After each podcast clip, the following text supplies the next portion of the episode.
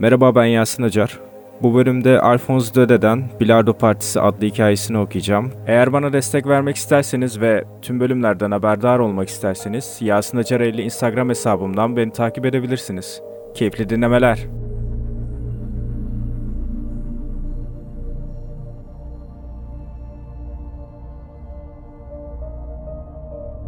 İki günden beridir çarpıştıklarından, üstelik geceyi de sırtlarında çanta, adeta tufan gibi yağan yağmurun altında geçirdiklerinden tüm askerler yorgunluktan bitkin düşmüşlerdi. Üstüne üstlük ana yolların su birikintileri, yağan yağmurun sularıyla dolup çamur patak olmuş tarlaların içinde 3 saatten beridir ellerinde silahları buz gibi soğukta beklemekten takatlerinin son noktasına gelmişlerdi. Önceki gecelerin yorgunluğu, sırılsıklam üniformalarıyla iyice ağırlaşmış, parmaklarını kımıldatacak güçleri kalmamış, ısınmak veya ayakta durabilmek için hepsi birbirine sokulmuşlardı. Yanında duran diğer askerin sırt çantasını dayanıp uyuyanlar bile vardı içlerinde.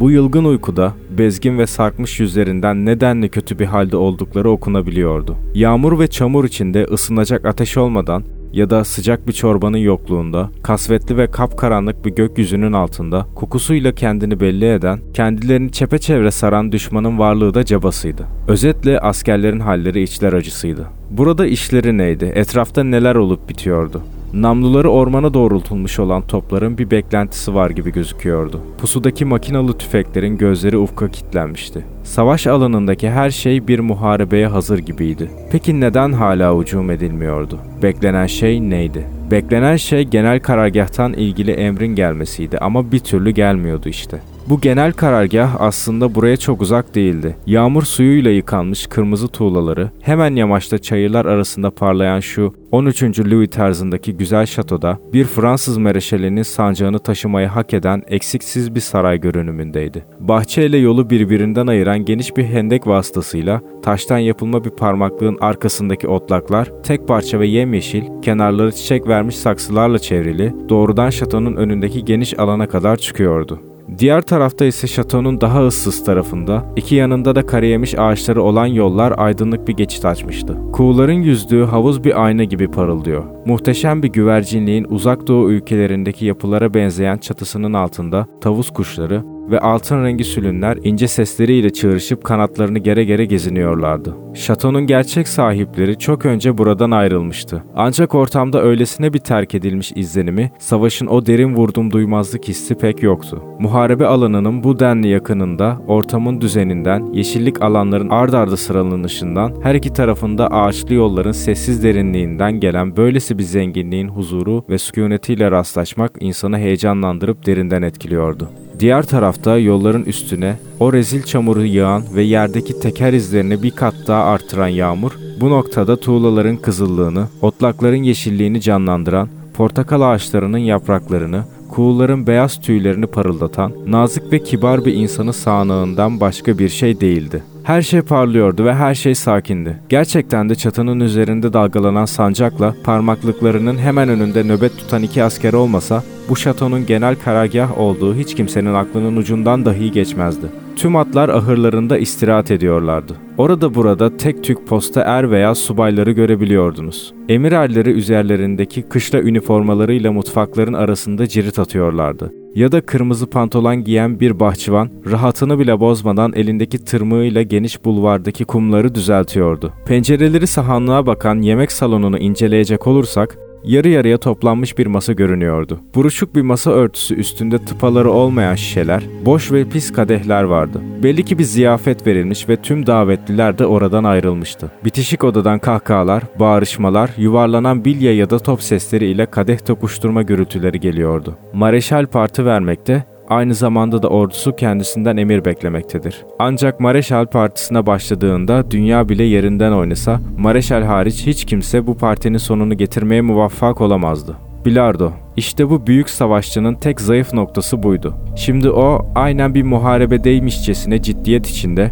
Koca üniformasının içinde göğsü aldığı madalyalarla dolu, yemeğin, içkinin ve oyunun heyecanıyla gözleri ışıldarken orada bir bilardo masasının başındadır. Yaverleri istim üstünde, saygıda kusur etmeden her isteka çekişinde hayranlıklarını ve mutluluklarını ona göstermek için Mareşal'in etrafını sarmışlardı. Mareşal bir sayı yapmaya görsün. Herkes sayıyı tahtaya yazmaya koşturuyor. Mareşal'in canı içki içmek mi istedi? Herkes onun kadehini doldurmak için birbirini eziyordu. Apoletlerin asker şapkalarının tepesindeki tüylerin, üniforma üstlerindeki kordonların ve ellerdeki haçların gürültüsü odayı doldurmuştu. İnsan, duvarları meşe kaplamalı bahçelere ve tören avlularına açılan bu yüksek tavanlı odada, bu denli sempatik gülücükler, saray yaltaklanmalarını görünce Compiègne'deki sonbahar şölenlerini anımsıyor ve Azote'de yollar boyunca soğuktan donan ve sağanak altında oldukça karanlık yığınlar halinde bekleyen asker paltosu giymişleri çabuk unutuveriyordu. Mareşal'in rakibi olan oyuncu Fidan gibi kıvırcık saçlı, ellerinde beyaz eldivenleriyle genç bir kurmay yüzbaşıydı. Bilardo'da öyle iyiydi ki dünyada onu yenebilecek oyuncu yoktu. Adeta dünyanın tüm mareşalleri gelse vız gelirdi ona. Ancak amirine her zaman hürmet göstermeyi de çok iyi biliyor. Bilardo partisini kasti olarak kazanmamaya ama bunu da çok belli etmemeye özen gösteriyordu. Anladığınız üzere geleceği çok parlak bir subaydı. Aman yüzbaşı dikkat et, herkes gözünü dört açsın. Mareşal'in şu an 15 sayısı var. Sizse 10 sayı almışsınız. Partiyi bitirene kadar bu şekilde götürmek gereklidir. Dışarıdaki diğerleri gibi ufku boğan tufanlar altında bir türlü gelmeyen şu emirleri bekleyerek süslü püslü üniformasını kirletecek, kordonlarınızın altın yaldızını karartacak yerde bu oyun işini becerdiniz mi terfinizi cepte bilin. Gerçekten de sonucu merakla beklenen bir parti oluyor. Bilardo topları sağa sola gidiyor. Birbirlerine çarpıyorlar, renklerini ve birbirlerini çaprazlıyorlardı. Masanın kenar bantları da, çuhası da pek bir hassasmış. Aniden gökyüzünde bir top mermisinin kızıl ateşi yanıp sönüyor. Boğuk bir gürültü tüm camları zangırdatıyor. Herkese bir korku alıyor. Endişe içinde bakışıyorlar. Sadece Mareşal'in ne görüp ne işittiği pek belli değil. Bilardo masasının üstüne eğilmiş geri çektirmeli bir gösteri hazırlamakla meşgul. Geri çektirmeli gösteriler zaten onun en kuvvetli oyunudur. Ancak bakın gökyüzünde bir şimşek daha, arkasından bir tane daha. Top sesleri ard arda birbirlerini kovalıyor. Akabinde yaverler pencerelere üşüşüyor. Prusyalılar hücuma kalkmış olabilirler mi? Mareşal istekasını tebeşirleyerek ''Peki, tamam, hücum etsinler. Sıra sizde yüzbaşı.'' dedi. Kurmay heyet hayranlık içerisindeydi. Bir top kundağına yaslanarak uykuya dalmış olan Türen, tam da muharebe anında bilardo oynarken bu denli sakin gözükebilen bir mareşal yanında solda sıfır kalırdı. Bu arada dışarıdaki gürültünün şiddeti iyiden iyiye artıyor. Topların yarattığı sarsıntıya, makineli tüfeklerin çatırdıları ve askerlerin yaylım ateşlerinin gürültüsüne karışıyordu. Kenarları kapkara, kızıl bir buhar bulutu otlakların ötesinden gökyüzüne doğru yükseliyor, bahçenin en dip tarafı tutuşmuş yanıyor, gürültüden korkan tavus kuşları ve sülünler ile güvercinler kafeslerinde çılgınlar gibi bağırıyorlar. Arap atları barut kokusundan dolayı bulundukları ahırlarda şaha kalkıyorlardı. Genel karargahtaki herkes çok tedirgindi. Cepheden ulaklara haber üstüne haber geliyordu. Mareşal'i sormayan tek bir kimse dahi yoktu. Ancak Mareşal'e yaklaşabilmek hiç mümkün görünmüyordu. Size hiçbir şey onun partisini bitirmesine engel olamaz dememiş miydim? Sıra sizde yüzbaşı. Ama bazen yüzbaşının unutkanlığı peydah oluyordu. Elbette gençliğinden dolayı ayıplamamak lazım. Bakınız iyice kendinden geçip tüm oyunu unuttu ve üst üste iki seri yaptı. Hani neredeyse partiyi kazanacak. Bu defa Mareşal epeyce kızmışçasına benziyor. Erkeksi yüzünde şaşırmış ve kızmış bir görüntü beliri veriyor. Tam da o anda karnı neredeyse yere sürterek gelen bir at avluya giriş yapar yapmaz yere yıkılıyor. Üstü başı çamura bulanmış bir yaver emir komuta zincirini es geçip bir sıçrayışta taraçayı geçerek ''Mareşal! Mareşal!'' diye bağırır. Nasıl karşılandığını bir görmeliydiniz. Mareşal Horozbi gibi kıpkırmızı bir halde sinirden neredeyse çatlayacak gibiyken elinde ıstakasıyla pencerede görünür. Ne oluyor? Nedir bu? Burada nöbetçi yok mu? Fakat Mareşal, iyi tamam, biraz sonra. Emirlerimi bekleyin Tanrı aşkına. Ve pencerede şiddetli bir şekilde kapatılır. Ve pencere şiddetli bir şekilde kapatılır. Emirleri beklensin. Zaten oradaki zavallıların da bundan başka yapabilecek bir şeyleri yok. Rüzgar, yağmur ve kurşunu suratlarının tam orta yerine yapıştırıveriyor. Diğerleri ellerinde silahları neden yerlerinden kıpırdayamadıklarını anlamaksızın boş yere beklerken taburlar dolusu asker ezilip gidiyor. Yapacak bir şey yok. Emirler bekleniyor.